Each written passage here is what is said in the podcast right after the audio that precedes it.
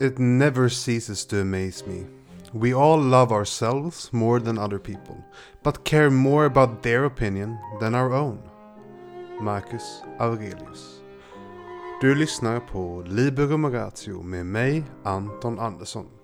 I detta avsnitt lyckades jag övertala Emma Bolin, ledamot i Linköping FMS styrelse, att göra mig sällskap för att diskutera kvinnor i politiken och hur man ser på nyheter och institutioner i dagens samhälle. Diskussionen gick högt och brett och Emma bidrog med många intressanta perspektiv och synsätt, särskilt om betydelsen för kritiskt tänkande. Men eh, nog med fördröjning. Nu kör vi igång och glöm inte att argumenten är viktigare än åsikterna.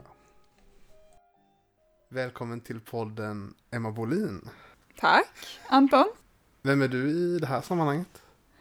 Ja, jag eh, är Emma Bolin som sagt. Jag är ju styrelseledamot tillsammans med Anton då, eh, i Linköpings fria moderata studentförening vid LIE och har varit med i eh, ett och ett halvt år snart. Vad var det som vi fick dig att ens gå med i FMS?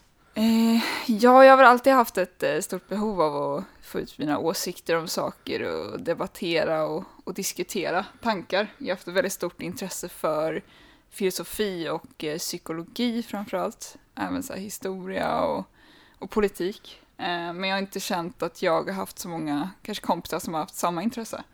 Så då kikade jag runt lite och eh, via en kompis då så gick jag på en pubkväll och eh, var ganska fast sen när jag satt eh, till sent faktiskt och diskuterade utbildning och eh, hur barn, att barn borde lära sig mer om religion, om psykologi och filosofi i skolan. Så det är viktiga ämnen allihopa, men det är inte ja. därför vi är här idag. Om jag säger ordet Kamala Harris, vad säger du då? Eh, då säger jag, oj vilken storm det har blivit kring henne och Eh, uppmärksamhet som hon har fått nu, men det är ju vettigt såklart att hon har fått det. Är inte hon typ ett identitetspolitiskt guldkort på sätt och vis? Både kvinna och mörkhyad. Absolut. Och det är lite det jag tycker också att eh, nu, eh, nu har vi inte fått ett eh, solklart valresultat än. Men det lutar ju åt att det blir Joe Biden som blir president och Kamala Harris som blir vicepresident i USA. Och eh, jag reagerade faktiskt på det eh, när valresultatet då så att säga kom, eh, enligt de flesta i alla fall, starkt resultat. Att speciellt på sociala medier så blossade det ju upp så mycket kring just Kamala Harris.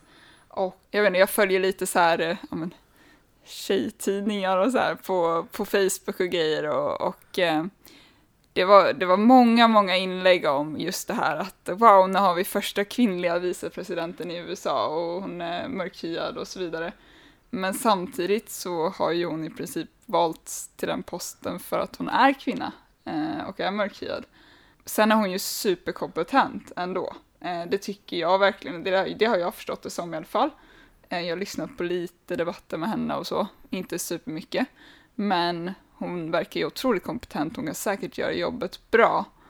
Det jag kan tycka där personligen är ju dock att oavsett så så ska man ju välja, så, som, säger, som sagt, eh, den mest eh, liksom, kompetenta som vicepresident och kanske inte enligt eh, identitetspolitik då. Men, men om man kan få det bästa av båda världar, är inte det optimalt att ha en kompetent jo, person som absolut. också fyller vissa kvoteringar? Jo, men det är ju många som har sagt att så här, om de då, alltså med tanke på de här kraven då, det ska vara en kvinna och hon ska vara svart och så vidare, då såll, när man sållar ner till människorna som finns som har den liksom kompetensnivån, där var det ju typ bara hon kvar.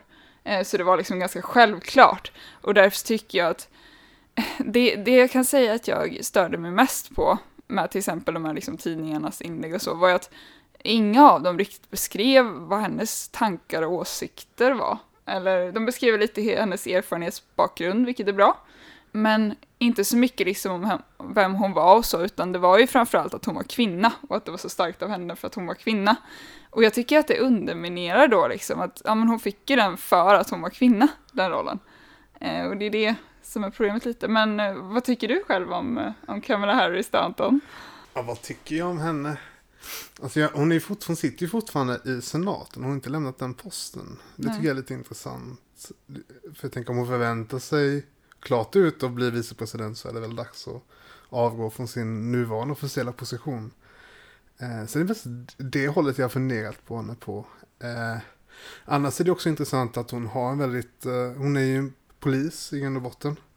Och har eh, en, en bakgrund av att ha fängslat många mörkhyade i kanske drogbrott och mindre offerlösa brott. Så även om det kanske är, om det nu skulle vara ett identitetspolitiskt kort så kan det också slå bak med tanke på hennes historia som en, som en polis då med tanke på hela den här defund the police-rörelsen i USA. Ja, och, eh, Black Lives Matter är ju mycket just mot polisbrutalitet och hon har ju på något sätt varit en, del, en kugghjul i det systemet som de går emot. Jag tycker, den kontrasten är ganska intressant. Men jag funderade på de tjejtidningarna. Vad trodde de, skulle de hylla Margaret Thatcher för att hon blir premiärminister? Ja, nej, det där är också en grej. Det känns ju som att de kanske har, lutar åt vissa åsikter också, de tidningarna.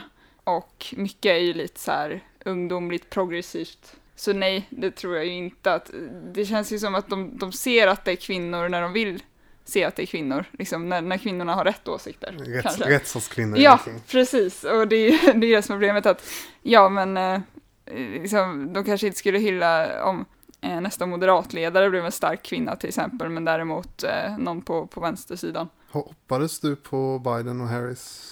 Eller hade du någon, eh, någon önskemål om hur valet? skulle gå? Ja, alltså jag tyckte ju att det var lite pest eller kolera faktiskt, att både Trump och Biden var ganska värdelösa presidentkandidater.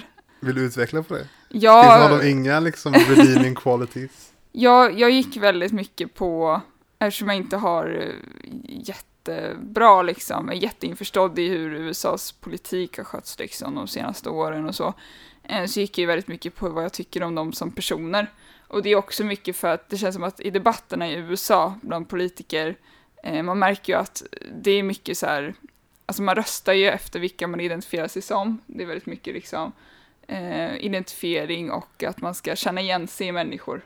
Och det var det jag tänkte säga också att USA ser ju lite annorlunda ut där och då är det ju lite mer självklart att man väljer Kamala Harris till exempel för att hon är kvinna och svart så att säga. För att man behöver attrahera en väljargrupp som ska kunna identifiera sig helt enkelt med människan. Eh, men då är ju också debatterna mycket om att skapa en sorts eh, eh identifiering liksom hos, hos väljarna Eh, så att de ska känna sig trygga med människan snarare. Eh, och där så tänker jag att jag som, jag kan, jag kan tycka att Joe Biden har ju verkligen inte så mycket av en egen personlighet kanske. Han är väldigt stabil liksom, men han är väldigt, väldigt förutsägbar och det är ju säkert därför han vann valet också då, om man nu gör det, har gjort det. Man vet i princip vad han ska säga för det låter ju lite som att han läser av någon text, något manuskript när han pratar. Eh, Medan då Trump är ju motsatsen, han är kaoset. Eh, han är liksom, han är den här spontana, han säger vad han tycker och vill. Och det är det jag kan beundra hos Trump och därför var jag lite, lite mer för Trump också. Också för att jag är lite, det är snarare att jag, jag tyckte att jag var för Trump för att jag var anti det här att alla är så anti-Trump utan att veta vad han faktiskt har gjort politiskt de senaste åren. För det är det som är det viktiga. i alla tidningar att han är hemsk och Ja, precis. och dum. Då måste Nej, men det är det, då måste han väl vara det. alla hatar ju bara på, på vad han säger, liksom, att han uttalar sig lustigt ibland, men, men det viktiga är ju att han säger vad han tycker. Det är jättebra, vi borde ha mer sånt, det borde uppmuntras. Eh, att man säger faktiskt vad man själv har för åsikter, inte bara vad liksom alla andra har, eller vad man förväntas säga. Eh, också att eh, folk måste gå efter vad handlingarna är och inte bara efter vad han säger. Alltså vem som helst kan, kan säga olika saker. Det handlar om vad du gör. Och Trump, utan att vara alltför insatt i hur han har styrt USA, så har ju ekonomin gått bra, gick bra, fram tills corona. Och liksom alla bolag och börsen gick jättebra. Ehm, det finns mycket bra han har gjort för landet som folk, alltså det har varit fred, liksom, han har ju dragit sig ur en massa krig. Eh, han har liksom faktiskt liksom talat med vissa världsledare, haft konversationer med dem. Liksom vägrar vara den här som, som, som vägrar prata med någon till exempel. Såna, och att man vägrar då att se någonting positivt i Trump bara för ett fåtal av hans uttalanden och hur han beter sig ibland. Man kan inte se, se hans gärningar som ändå är större än orden på något sätt. Och det, jag, det var också lite därför jag tyckte att jag vill se mer av den typen av människa i politiken som, som vågar säga vad man tycker och handlar rätt. Och handlar och tycker ja, enligt deras egna åsikter. Men med det sagt så har Trump många dåliga sidor också och han säger väldigt mycket dumt också. Mm. Men den stora skillnaden, jag skulle hålla med, den stora skillnaden är transparensen mellan dem. Mm. Det känns som Joe Biden är det här standard politikerspelet och säga saker på ett fint sätt som alla vill Precis. höra och jag menar, det finns ju en anledning till varför liksom, hos gemene man så är politiker synonymt med lögnare. För de är Mm. liksom, de har ett sätt med ord, det är, det är liksom politiker och advokater. De flesta politiker är advokater. Exakt. Jag skulle säga, du pratade om att Biden är stabil, men jag tror det här valet så är nog hans främsta kvalitet att inte vara Trump. Mm. Jag tror det är nog det som har eh, tippat eh, vågskålen så att säga en hel del. Att det inte är röster för Biden utan det har varit röster mot Trump istället. Han, han är ju väldigt, han är ju mycket så här, either you love him or you hate him. Liksom. Mm. Det finns inte så mycket mellanrum däremellan. Nej. Men skulle du säga, är, är, är det inte lika, likadant i Sverige? Drar inte vi oss också efter personligheter? Eller är det mer åsikterna som spelar roll här? Jo, men lite. Och jag menar, jag förstår att folk gör det för att det är omöjligt för hela befolkningen att sätta sig in i, i många grejer och ha en åsikt om saker och då går man efter någon man känner sig trygg med, eh, rent liksom personlighetsmässigt. Men inte riktigt på samma sätt tror jag, för jag tror att eh, det blir svårare i USA också för att i och med att de har liksom olika lagar på, på delstatsnivå och så, så är de ju väldigt långt bort ifrån liksom Washington ofta. Eh, så det är svårt att ta upp sakfrågor på samma sätt som vi kan göra här kanske. Eh, förutom de här jätteövergripande frågorna. Så det är lite så, men också jag tänkte komma till det också, alltså med Kamala Harris där, att hon som person kan jag tycka är, eh, det är ju ingen man, det är inte en jätte, alltså hennes debattteknik kan kritiseras kan jag tycka. Tittade du på vicepresidentdebatten där? Jag såg delar av den. Så. Ja.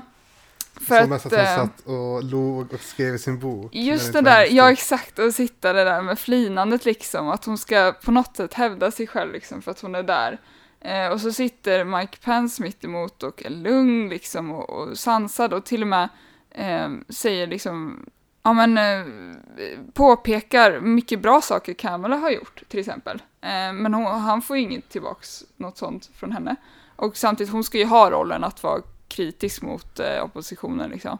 Men, men jag tycker att hon, hon försöker liksom jaga kritik då på något sätt. Eller förstår du vad jag menar? Att hon, hon vill typ egentligen, hon vill, hon vill bli kränkt liksom.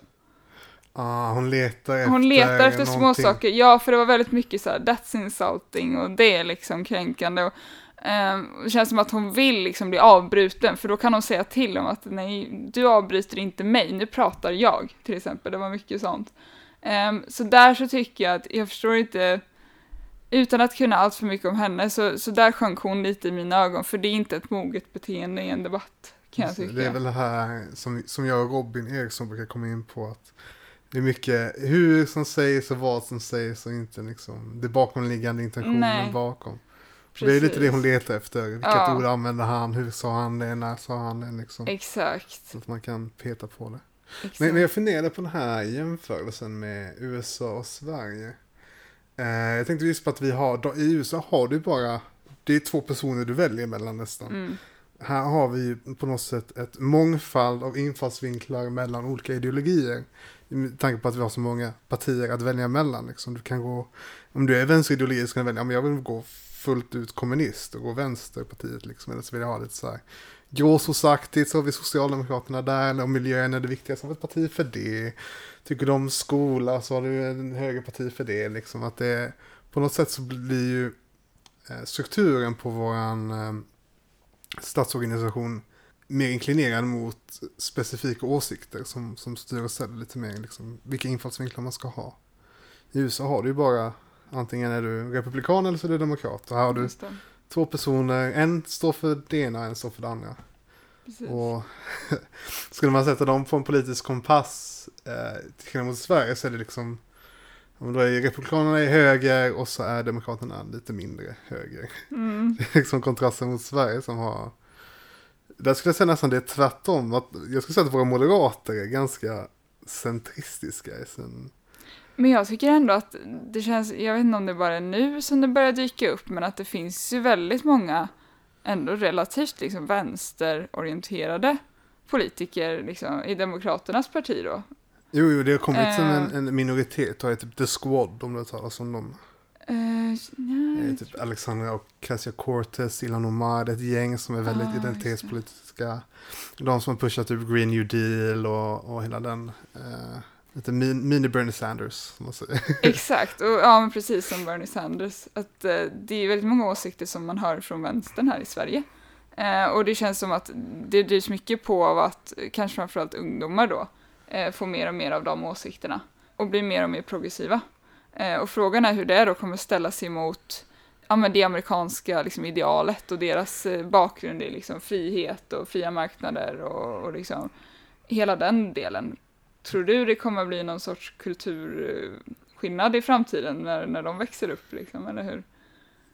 Vad tror du om det? Oj, alltså det är ju, jag, jag har en ganska cynisk syn på, på framtiden skulle jag säga. Alltså jag vet ju, alltså jag tycker vänstern börjar nästan bli lite eh, antikonstitutionalistiska. De är nästan eh, väldigt emot second amendment och börjar liksom gå in på first amendment med hate speech och andra smålagar liksom och försöka eh, underminera konstitutionen som de har medan det känns som eh, republikanerna i USA blir mer och mer konservativa. Eller rättare sagt, de, jag tror de är lika konservativa hela tiden, men kontrasten blir starkare och starkare. Eh, för att de, de, de flyttar sig inte en tum mot vänster, utan de håller sig här i konstitutionen, här ska vi vara, så här har det alltid varit och så här ska det fortsätta vara. Liksom, Medan de progressiva vill ju då ha en progressivitet i, i, i statsskicket i USA. Men alltså jag tror att eh, om vi kommer att ha ett krig i framtiden så kommer inte det vara mellan länder utan det kommer vara inom länder i framtiden. Jag tror det är det vi rör oss mot. Att man brukar ju säga att eh, riken varar ungefär 250-300 år. Om du kollar romerska riket och typ, eh, men tidigare sådana stora riken så har det varit ungefär den tidsramen och det är ungefär där USA ligger nu, ungefär 250 år har de existerat som en, en eh, union och eh, tycker att saker blir inte bättre heller. Det känns som det blir mer och mer dissonans mellan folket, mer och mer polarisering och mot, eh, enklare motivationer till att försvara våldsamma handlingar mot de andra. Mm. Att eh, man, man rättfärdigar varför man kan slå uh, Mary supporters för de, de börjar bli stämplade som alla, alla nazister, alla fascister liksom. Och, och, såna oso- och så, sånt får man vara otolerant emot. Och det är liksom sådana nazister ska man ju få slå liksom bara för att de är nazister. Och eh, blir också då en, en våg av eh, andra sidan som vill försvara sig och de andra är kommunister och det får man också rätt att liksom avlägsna kasta ut dem i helikoptrar som Pinochet skulle säga. så det känns som att eh, jag, har svårt, att- jag, har inte, jag har inte sett något tecken på att det ska lägga sig än. Nej. Jag vet inte om Joe Biden, nu har det ju gått ut att, att Joe Biden troligtvis är president, han är ju president elect nu, men det, det verkar ändå som att protesterna fortsätter även för eh, vänstersidan med BLM och det verkar inte ha lugnat ner sig särskilt mycket heller. Så det verkar på något sätt vara oberoende av eh, presidenten på sätt och vis. Det tror jag absolut. Och eh, det känns som att, har du sett den här eh, dokumentären The Social Dilemma på? Nej, jag har hört om den. Nej, ja, precis. Det är nog många som har snackat om den. För att de tar upp någonting väldigt intressant. Jag skulle rekommendera alla att titta på den faktiskt. Den är väldigt bra eh, gjord, skulle jag säga. Lite domedagsprofetaktig dock. Eh, I och med att det, det de för fram där är lite en teori att den här nya liksom polariseringen som har uppkommit eh, beror mycket av just sociala medier. Och att folk får bara riktad information där eh, mot en grupp och vad de, ja, men, ju mer du klickar på något ju mer får du bara från den sidan och inget annat. Och det skapar sådana motsättningar då. Och ja, man får inte den andra sidans perspektiv och du vet man kan samlas i communities, man kan bygga upp en känsla kring den här grupptillhörigheten och så får du en pandemi på det hela och det blir kris och liksom, alltså folk, det är inte konstigt att folk då inte kan se den andra sidans perspektiv helt enkelt. Jag, jag kan se det, det känns som att nationella gränser börjar bli obsoleta. Utan, och även klassgränser och, och hudgränser. Utan det verkar mer vara en, en grupper som bildas eller, eller tillhörigheter i dagens läge med världsåskådningar som för samman liksom. Om det nu är då att eh, Ja men det är stora exemplet i USA att antingen så älskar du Trump eller så hatar du Trump. Liksom. Och det är ungefär den sidan du har. Du har liksom mainstream media som är liksom totalt anti-Trump och sen har du den här Ja, jag vill säga antingen får du fake news eller så får du alternativa media. Men det finns liksom ingen vanlig Nej. media kvar. Så du har liksom Breitbart, du har Fox News, du har One American News på ena sidan och sen har du liksom MSNBC, CNN. Som du säger så är folk helt isolerad i den bubblan av, av, av synsätt. Men å andra sidan så är dessa tider det, den tiden då det är som absolut lättast att kunna eh, få information om vad de andra tycker. Alltså tillgängligheten har aldrig varit så, så öppen som det är idag. Med tanke på internet, du kan ju alltid gå in på CSN eller Fox News och se vad de tycker och tänker. Absolut. Men folk men folk gör ju inte det och det är bekräftelsebehovet där liksom. Och... Jag funderar på om frågan är att sen vi backar bandet i, i Sverige till exempel. Jag vet inte om det är... Folk tycker att public service har blivit mycket mer vänstervridet. I alla fall de flesta på högersidan tycker att mm. public service har blivit alldeles för vänstervridet. Men jag har en teori om att det har alltid varit vänstervridet. Men vi har bara haft Aftonbladet, public service, Expressen. Vi har inte haft ett annat synsätt att se på. Så vi har aldrig kunnat jämföra det med eh, något annat. Så det har bara varit nyheter. Men nu när vi kan jämföra, då blir det vänstervridna nyheter. Ja, oh, vilken intressant teori. Vad, vad ja, det är sant kanske. Det är samma sak, folk tycker att nej men nu för tiden är det hur mycket propaganda som helst. Men det är för att vi var blinda för propagandan ja. förr. Jag menar i början av television så var det ju statstelevision. Det var ja, TV1 precis. och TV2. Det var statsstyrt. Det är klart att de säger ju saker som gynnar staten. Liksom. Det finns inte så mycket statskritiskt i det. Nej. Nej, och var ska man dra gränsen för propaganda då? Alltså det här med åsikter och sånt. För då drar ju folk, eller de, de hittar på eh, förslag på hur det här kan lösas, liksom att folk bara får fake news eller så. Men vad är det som är då är fake news? Liksom, hur kan man bedöma san sanningen i innehåll? Och ska techbolagen göra det då? Eller vem ska göra det? Och vilket lands värderingar ska man gå efter då? Ska man ha regleringar för det här? Vilka länder ska det gälla? Vilka människor ska det gälla? Det funkar ju inte. Det är åsikter, alltså det är helt omöjligt att framställa saker utan att lägga någon värdegrund eller åsikt i det. Eh, och då också det här med att liksom, vi i västvärlden har vissa värdegrunder som är grundade i liksom, ofta religiösa grunder, protestantiska till exempel. Och eh, vi kanske inte riktigt förstår andra typer av människor, andra typers moral och, och värden. Och ska deras åsikter då, eller tankar, anses som fel eller fake det är väldigt svåra liksom, gränsdragningar att göra tror jag. Och det är därför jag tror att, att den stora bristningen är nu liksom grundläggande världsåskådningar som sker. Att, men om jag säger så här. Vi säger de som litar på Aftonbladet, Public Service, TV4. Att där har vi liksom sann gammelmedia som alltid varit saklig journalistik saken är att det är ju de mest, eller techföretagen i USA, de är liksom etablerade institutioner som har funnits länge, som alltid har bidragit med nyheter och sånt. Och säger att de säger saker som inte är sanna. Det förstör ju hela hierarkin av, av institutioner, av, men okej, men om den här institutionen kanske inte uppfyller sin roll som institution, vad mer gör inte det liksom, då börjar ju hela fasaden kalkylera av vad som är verkligt. Och eh, Sen så är motsatsen till det kanske är att man börjar ifrågasätta alla institutioner och kritisera allt och då kanske man hamnar långt ut på alternativ media, kanske in på natural news och fria tider där liksom. Jag blir börjar... taggad på anarki. men, men det blir liksom att, att man försöker bestämma att Jag tror det var Jens Gama som sa det, att det finns inte saklig journalistik längre. Nej. Därför kallar han inte honom för, han är inte en journalist, han är politisk aktivist, för det är bara det man kan vara nu. Och, eh, jo men vad techföretagen, det känns som techföretagen och, och gammelmedia, eller mainstream media, försöker ju på något sätt bibehålla deras auktoritet i att vi har rätt åsikt. Och eh, det är mycket att klamra fast. På något sätt så är de, de, de som driver progressiv politik är väldigt konservativa i vilka mediainstitutioner som ska få vara kvar och bestämma är inte det lite Ja, det är intressant? att det finns en, en konservatism i, i, hos de progressiva. Att lite eh, försöka undvika utvecklingen av, av tiden. Att, eh, Ja, men de har ju bestämt sig för vad som är rätt. Och vad som är rätt åsikter. Och vad som är rätt att tänka och tycka.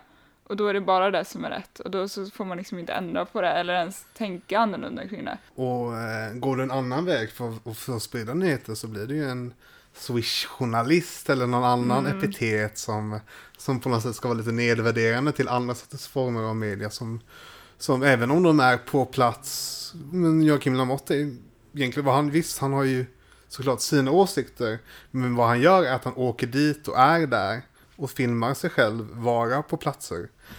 Det går inte att förneka att kontexten han är i är sann på det sättet, men ändå så försöker man liksom nedvärdera han, om du förstår vad jag menar. Ja, precis. Och på något sätt är det ännu mer hedervärt då att han står för sina åsikter och säger liksom vad han tycker. Och eh, att han har åsikter, så att säga, snarare än att säga då att man inte har åsikter, att man är någon sorts neutral makt. Det där tyckte jag var ett väldigt uppvaknande. Det är nästan så att man blir lite paranoid i, i samhället när man växer upp och börjar inse att det ligger ju någonting i oss att vi, vi blir uppvuxna och liksom indoktrinerade i att tro på att staten vill veta bästa hos oss, att de allt är bra på liksom, statsinstitutioner kan man alltid lita på. De ska man välja som källa i alla skolarbeten, liksom, för allt de säger är sant. Och du vet, då borde ju liksom public service-journalistiken alltid vara sann. Eh, och jag tror att en viktig del som vi borde satsa på i framtiden är att utbilda människor då till att kritisera mer och inte bara kritisera liksom, källor. Jag menar, vi fick ju ändå utbildning i att ja, kritisera typ fria tider och så vidare och vara kritiska mot sådana typer av källor. Men däremot så fort det var något, eh, något statligt, någon myndighet, då ska man inte kritisera överhuvudtaget.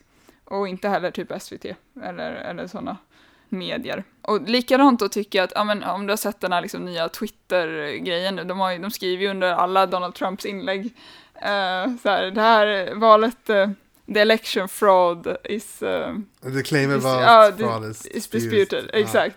Eh, och jag menar, att de ska behöva lägga in där, det ska ju vara upp till människorna själva att förstå att, att de ska kritiskt granska vad som skrivs, att det är en människa som skriver det här. Liksom. Det är, Men det, det som är mest sjukt där, det är att han är president över landet. Ja. Och de försöker styra och begränsa hur han får uttrycka sig direkt kommuni- kommunikativt till folket. ja, Om, jag menar, om det är någon, visst om det är någon Janne Banan på landet som blir censurerad, det är ju, visst det är tråkigt för honom och, och men de är ju en plattform som gör vad de vill, men när president, ledaren över det fria landet, Mm. Förenta Staterna, ska ha sina uttryck vinklade av, av techföretagen. Techföretagen ska bestämma vad som är sant eller falskt, eller vilken information, det finns ju inlägg som har tagits bort som Ja, Trump har gjort det. också. Och det tycker jag är, det är nästan en, en otjänst för folket i Amerika. Om någonting så förtjänar väl höra vad sin president vill ha att säga rakt ut. Oavsett om man håller med eller inte så är han ju ändå så president fortfarande fram till 21 januari. precis. Jag tycker det är helt Ja, galet. censuren är ju helt värdelös. Alltså verkligen, alla åsikter ska ju märkas och synas och det, det är bara bra för människor att få breda perspektiv och då kan de se vad de inte tycker om att läsa om och vad de tycker om att läsa om. Eh, och se vad de håller med om och vad de inte håller med om. Man lär sig så mycket mer på det sättet. Och ja, men, om man börjar i den änden då, alltså hur långt kan man gå då om man ska vara lite, lite domedagsprofet där också? Ska, ska man börja censurera får man inte skriva vad, någonting liksom framöver. Det är, som är liksom politiskt laddat eh, på något sätt det blir väldigt farligt. Och liksom också det här, det är företag. Så jag tänker att om, om man ska blicka mot framtiden känns det ju som att, som du sa, att det blir inte lika mycket nationellt. Det är mer snart tar ju stora företag över. Det är de, de är ju som hela länder, företag. Liksom de, de tjänar ju lika mycket som bruttonationalprodukter liksom i länder. Eh, och de har ju så stor, stor makt och internationellt till och med att om de ska sätta regler helt plötsligt utan att vara liksom, ha någon demokrati eller någon sorts styre eller ha någon sorts folkvaldhet eller vad vi nu har för trevligt styrelseskick. Vad ska det baseras på? Eh, det är det som är problemet. Och sen kan man ju då argumentera för, ja ah, men sluta använda Twitter då, om du inte tycker om hur de censurerar. Ja, det är ju lättare sagt än gjort. Liksom, man måste ju ha sociala medier, kommunikationskanaler på olika sätt. Kanske inte Twitter nödvändigtvis, men, men det börjar gå ut över andra kanaler också, Facebook och, och så. Det har börjat komma upp lite alternativ där också. Du har ju Parler tror jag talas om på sista tiden. Ja. Som ska vara en, en variation till Twitter. Men det stora problemet där blir ju att det är ju en viss sorts åsikt som censureras. Om de flyttas dit då blir det ju direkt åsikts, bara olika åsiktskammare där eh, högerlutande folk försvinner mot Twitter för att de känner att de blir censurerade och sen mm. är det bara vänster kvar där och det, vi tappar den här eh, diskursen. Men det är ju också en konsekvens av företagens agerande. Liksom, att de inte har någon möjlighet att kunna uttrycka sig fritt på den plattformen. Nej. Har du hört om, jag hörde att Trump överväger att starta en egen nyhetsorganisation om inte han fortsätter vara president. Ja, jag hörde också det. Det låter jättespännande ju. Det, alltså, Men det hade, hade inte du velat i alla fall se det? Jo. Alltså jag hade varit jo. ganska nyfiken på. Verkligen. Jag tror mycket det är att det verkar, alltså, makten verkar ligga hos media mer än hos staterna nu för tiden. De har ju det där chansen att styra människors intressen, värderingar, riktningar och världsbild. Det är ju genom media som man gör det. Så vill man ha riktig makt så verkar det vara där den finns nu. Ja, det var väl därför Trump vann valet 2016 eh, i princip. För att han eh, twittrade mycket. Eh, och gick ut med åsikterna där mycket. Tror jag absolut att det var en stor bidragande faktor i alla fall. Mm. Redan då. Och nu har ju alla andra tvingats göra likadant. Jag menar politiker i Sverige också och så vidare. Kan du tänka dig hur tråkig politiken kommer vara efter Trump, om Trump inte är president längre? Ja. Jo, det men... Det kan ju vara som ett stort hål i... Exakt. Vad, vad ska nyhetsorganisationen göra? De har ingenting att skriva om längre. Nej. Om Trump försvinner. Det är liksom 90% av deras eh, innehåll är bara Trump har gjort det här och Trump har inte gjort det här. Och Nej, nu skrev Trump det här på Twitter, det är liksom... Ja, men det är ju på ett sätt lite det världen behöver. Jag tänkte komma in på det tidigare angående vem man tyckte skulle bli president i slutändan.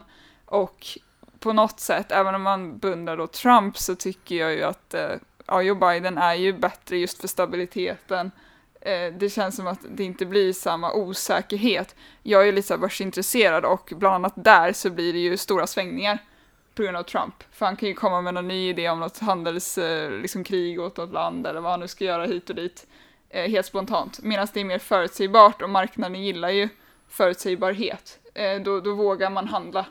Eh, det är därför folk, liksom, börsen har ju gått upp enormt nu sedan vaccinnyheterna eh, till exempel. För nu börjar man ju få lite framtidstro igen, för nu finns en säkerhet i att vi kommer lösa krisen. Eh, och den typen av stabilitet vill man ju ändå se i världen i och med att det är så mycket komplexa förhållanden. Och framförallt utrikespolitiskt också. Ja men det, det tjänar ingenting till att liksom gå ur en massa avtal och, och gå ur samarbeten utan det är bättre att man då stannar kvar i dåliga avtal och försöker förhandla om dem. Och det är det jag tror att Joe Biden kommer göra det är ju också en, en förhandlingsstrategi att gå ut i avtal för att få eh, Jo, men då slutar man ju bara diskussionerna. Eller ja, om man då sätter någon typ krav på att man kan gå tillbaks igen. Eh, kanske. Ja, men eller skapa eh, en ny plattform att göra en ny deal på. Liksom att, jo, det är sant. Ja, det ja. går ju att argumentera hur mycket som helst, men eh, Trump skulle jag säga, han har ju skrivit The Art of the Deal ändå. Han borde väl veta hur man förhandlar. jo, jo det är sant. Men eh, ja, det känns som att liksom, USAs agerande gentemot världen just nu när det är så mycket andra katastrofer och kriser och det är corona, du vet, och det är klimatförändringar och allting, så kanske vi behöver lite mer liksom, förutsägbarhet, stabilitet. Han kommer säkert luta sig på många andra liksom, åsikter och det som är bra där är att han kanske tar in lite mer expertkunskap vad gäller specifika områden. Eh, Biden, tänker du? Ja, Biden. Att, att vara ledare handlar ju så mycket om att egentligen delegera och lyssna på andra och ta råd från andra som faktiskt kan och inse att man inte själv kan allting. Eh, men däremot att man vet vart man ska hitta råden, vem man ska tillfråga till exempel. Eh, och det tror jag ändå att, det har jag uppfattat ändå som att Biden känns väldigt klok och mogen i att han kommer göra som president. Eh, vilket förhoppningsvis kommer göra något vettigt för, för USA som land. Men han, inte, men han har ju lite identitetspolitiska tendenser.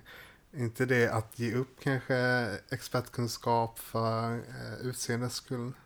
Jo, det håller jag med om. Ja, absolut. Det är en, det är en svår vågskål där alltså. Eh, men också så här, ja men nu om då han är mer identitetspolitisk än vad, säg någon tidigare president har varit liksom, i USA, ja men då får väl folket få en släng av det och se hur de reagerar. Eh, och se vad de tycker om det och agera. Och jag tror ändå att det är en så stor del av USAs befolkning nu. För det första kommer Biden inte kunna göra så mycket heller, för han har ju verkligen inte vunnit, om han nu har vunnit valet då med särskilt stor majoritet. Och jag menar om två år är det liksom igen, vad är det, senatsval? Eh, och Eh, han kommer inte vinna senaten. Nej, och huset har de tappat också. Så, så jag menar, han kan inte göra så mycket ändå. Så det spelar inte så stor roll kanske. Och dessutom så finns det så många kärnväljare i USA som inte tror på Biden och inte tror på Demokraterna och är liksom hårdföra republikaner. Och de kommer ju inte bara vika sig. Alltså det ligger en så mycket längre tradition i och med att USA ändå uppstod eh, liksom som den första Ja, ja men de, de utgår ju liksom från att de skapade landet och liksom byggde på en konstitution. Eh, till skillnad från eh, liksom andra länder i västvärlden framförallt. När vi har en lång, lång, lång historia av monarki och så. Och det var så mycket, det är så viktigt för dem då med deras eh, lagar och regler och eh, värdegrunder och ideologier och frihet och, och så vidare. De kommer liksom inte släppa på den, tror jag ändå. För det är så mycket, det är inbakat i deras kultur på ett helt annat sätt. Eh, sen däremot, vissa delar av USA, absolut, typ New York och så, alltså som har mer kopplingar till Europa till exempel. De börjar väl vända sig lite, vi ser ju liksom mer progressiva tendenser hos ungdomar som sagt. Men jag tror inte att någonsin att eh, liksom, hela USAs befolkning kommer vändas i den frågan. Frågan är ju, det börjar ju bli lite eh, demografi, demografiförändringar eller vad säger man? Ja. Demographics, demografi. Ja, det är mycket eh, ökning av minoriteter som flyttar till Texas till exempel. Texas var mm. ju, har aldrig varit så nära att gå blå som det gick det här valet. Det. Men då skulle, skulle sådana tendenser fortsätta så kommer det ju röra sig mer och mer demokratiskt ändå. Även om, för de, de som är ganska så här råkonservativa konstitutionalister är ju typ eh, mitt mittdelen av USA som inte har så mycket eh, electoral votes och kanske inte har så mycket att säga till om utan det är ju en samling av många småstater som bygger upp det. Liksom. Du har ju de här New York och Los Angeles, eller New York och eh, Los Angeles som är de stora mm. liksom, eh, eh, hästarna i spelet och de är ju liksom nästan obrutet demokrater. Jag håller med om att alltså, den mest, absolut mest stabila komposition av statsskick i USA är ju det som vi lutar mot.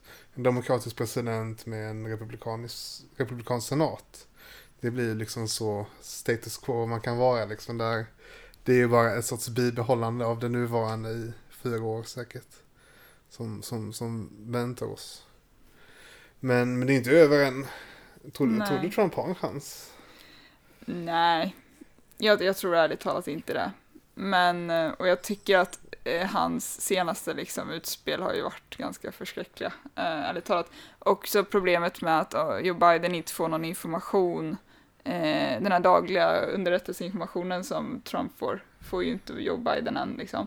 Eh, och, han, och då kan han inte sätta ihop sitt liksom, coronateam och så vidare, så de är ju lite i det kan potentiellt skada väldigt många människor att han sitter och tjurar just nu. Men det, det är ju inte ett, ett nytt president Trump sätter heller. Det var ju eh, år 2000 mellan Al Gore och Bush. Så var det ju, sås ju Al Gore som president-elect i 35 dagar innan det vändes och blev Bush.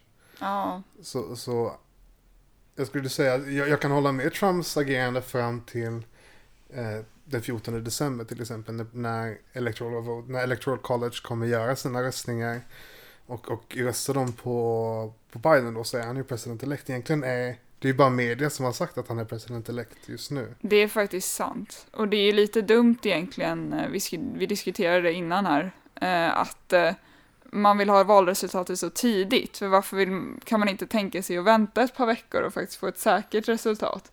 Alla vill bara skrika ut vem som har vunnit hur tidigt som helst. Det är någonting väldigt, väldigt problematiskt i det och folk måste lära sig ha lite mer tålamod, tror jag.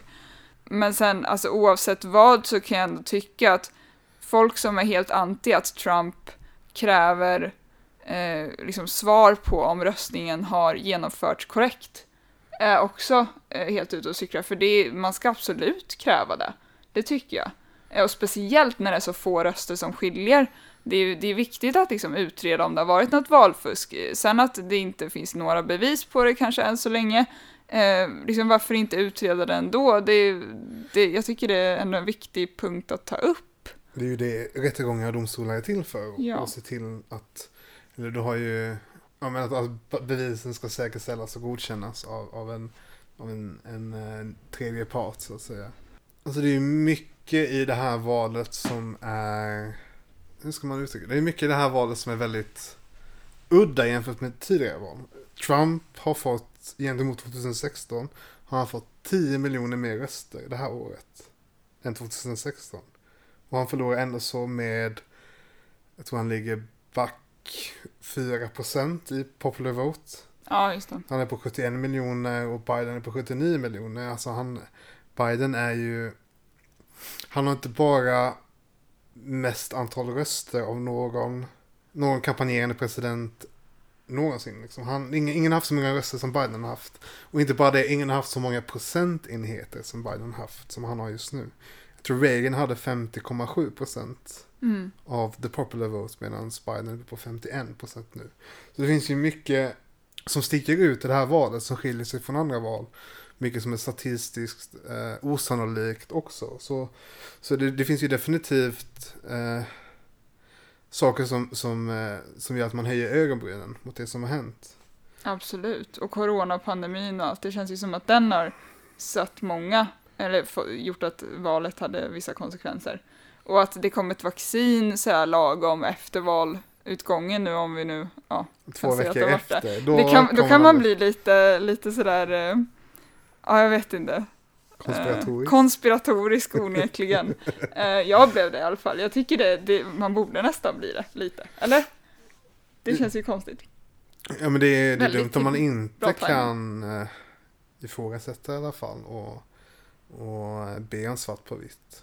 För jag tänker om Demokraterna är säkra på att det har varit ett, ett giltigt val, resultatet är som det ska vara, då, då borde man inte se några problem med att sakerna undersöks noggrant heller. Det skulle ju bara gynna båda sidor. Om båda, båda sidor kan få svart på vitt så här har resultatet gått till och eller så här har rösterna räknats och vi har räknat om de här rösterna och det här har vi fått fram igen.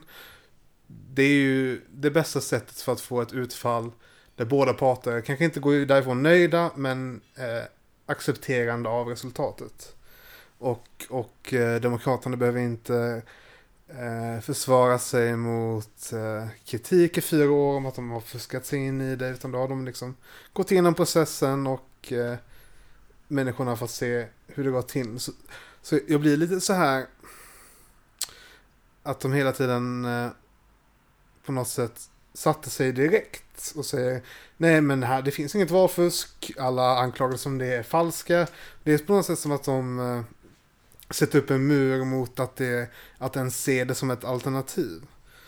Och, och jag har svårt att se motivationen bakom det, förutom det gamla vanliga att det är, det är motsatsen till vad Trump vill.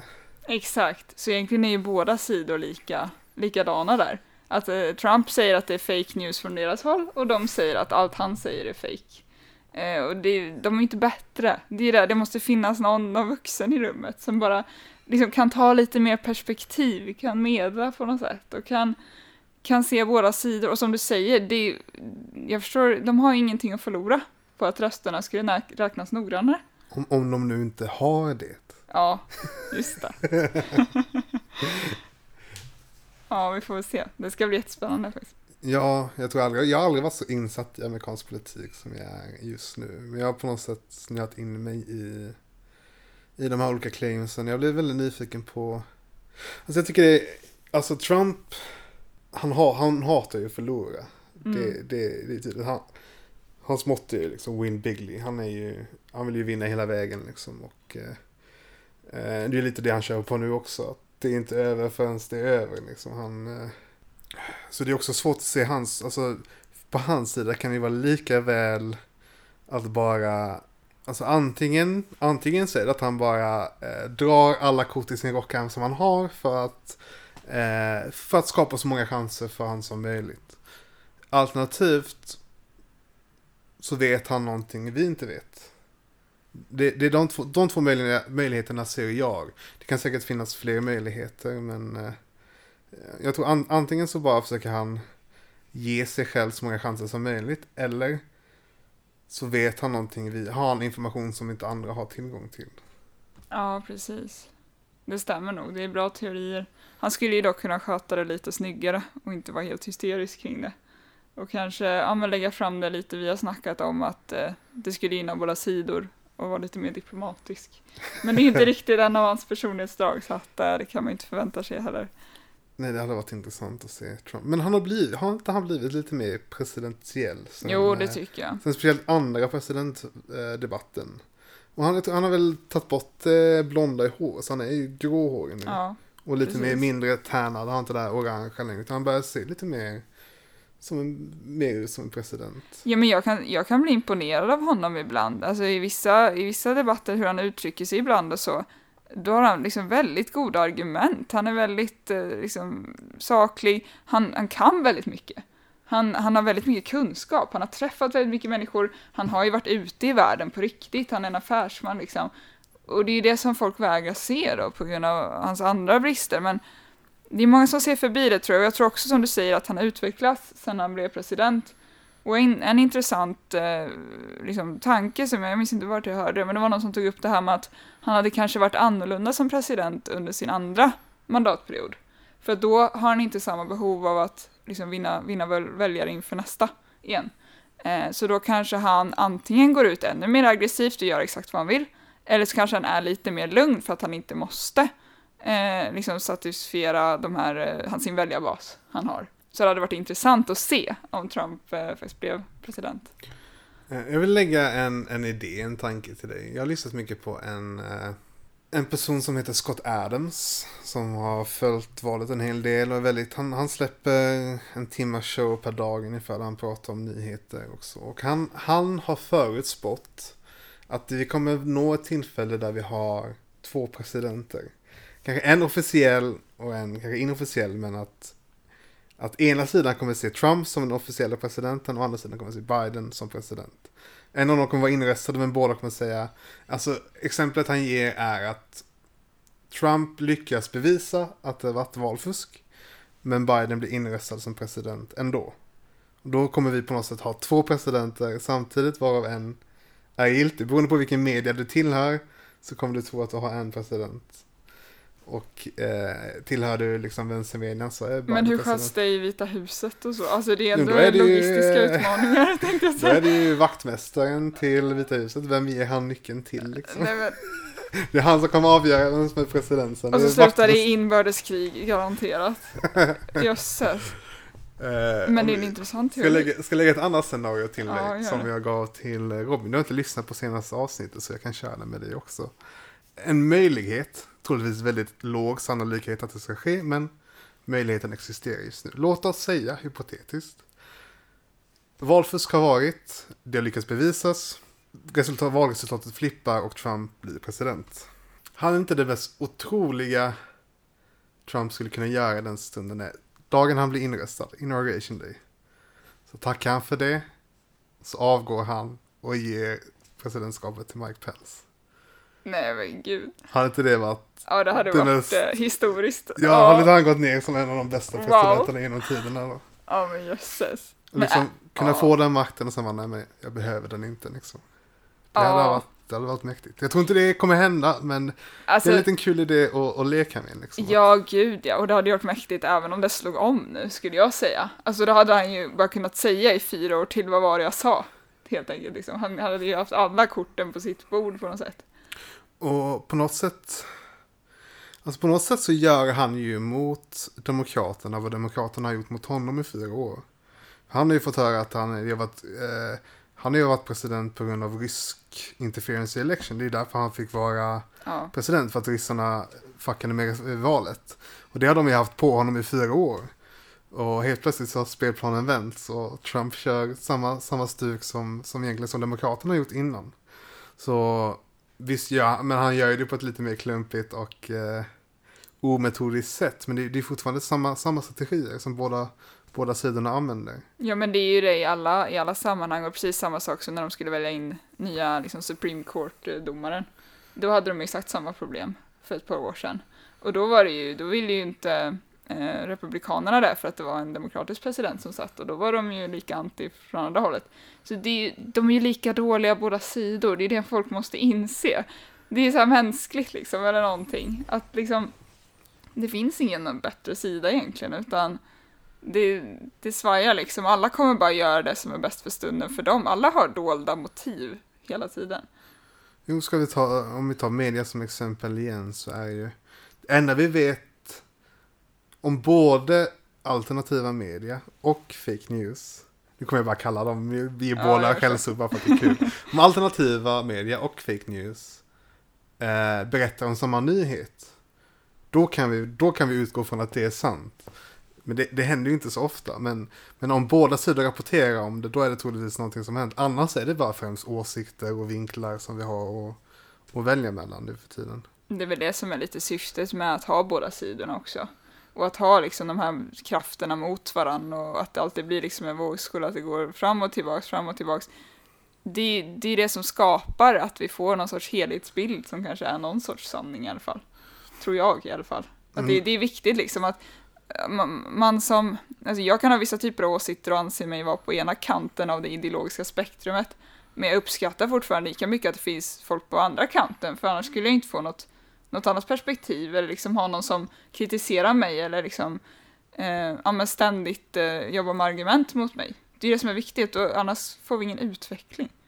Jo, men är inte, är inte du undantaget som faktiskt eh, vågar spräcka eh, eh åsiktsbubblan du är i och, och gå över på andra sidan och lyssna vad de har att säga och redo att att ha dina idéer ifrågasatta och, och välkomna det. Det är ju, det är ju någonting som är eh, sällsynt i dagens samhälle. Folk varken vill eller kan Nej, Nej jag dömer ta andra sidans perspektiv. Nej, det är ju en mänsklig egenskap, så är, man, man kan inte döma människor för det. Eh, snarare så, jag tror ju alltid bara på utbildning liksom, men eh, sen finns det säkert andra strategier för att få folk att, att lära sig helt enkelt att göra det. Eh, vissa har det mer liksom, faller det mer naturligt för, men, men det är, det är viktigt att vi typ jobbar mer mot den typen av utbildning tror jag. Eh, och det gör vi ju verkligen inte i Sverige just nu. Grundskolan är ju främst statligt styrd också. Så den kommer Ja, det det. är sällan du kommer höra någon kritik kring staten i en statlig skola. Mm. Och är, är inte det du pratar mycket om att det här progressiva börjar komma i USA? Det är väl främst i universitet som, som det byggs upp. Att det är liksom genom skolorna som, som den här eh, politiska polariseringen sker. Antingen det börjar bli de som har blivit universitetsskolade i det rätta sättet att tänka och de som är mer allmän vett och, och eh, livets hårda skola-stuket liksom. Det är väl lite där Ja, det det. krockar. Det kanske är upp till oss eh, studentföreningar att eh, informera i sådana fall. Ställa något oss, ställa oss på eh, Blå havet i Linköping. Dra någon profit från det. Ja, exakt. Stå med Det gick ju bra sist och när det regnade. Ja, några avslutande ord. nej. Något du, du önskar vi hade pratat om? Nej, men vi har väl tagit upp ganska mycket intressanta delar tror jag. Men eh, tack så mycket Emma för att du ville vara med. Tack för att jag fick komma. Jag, jag tyckte det var ett väldigt bra samtal. Jag tyckte det var kul. Detsamma. att Snacka lite. Jättetrevligt.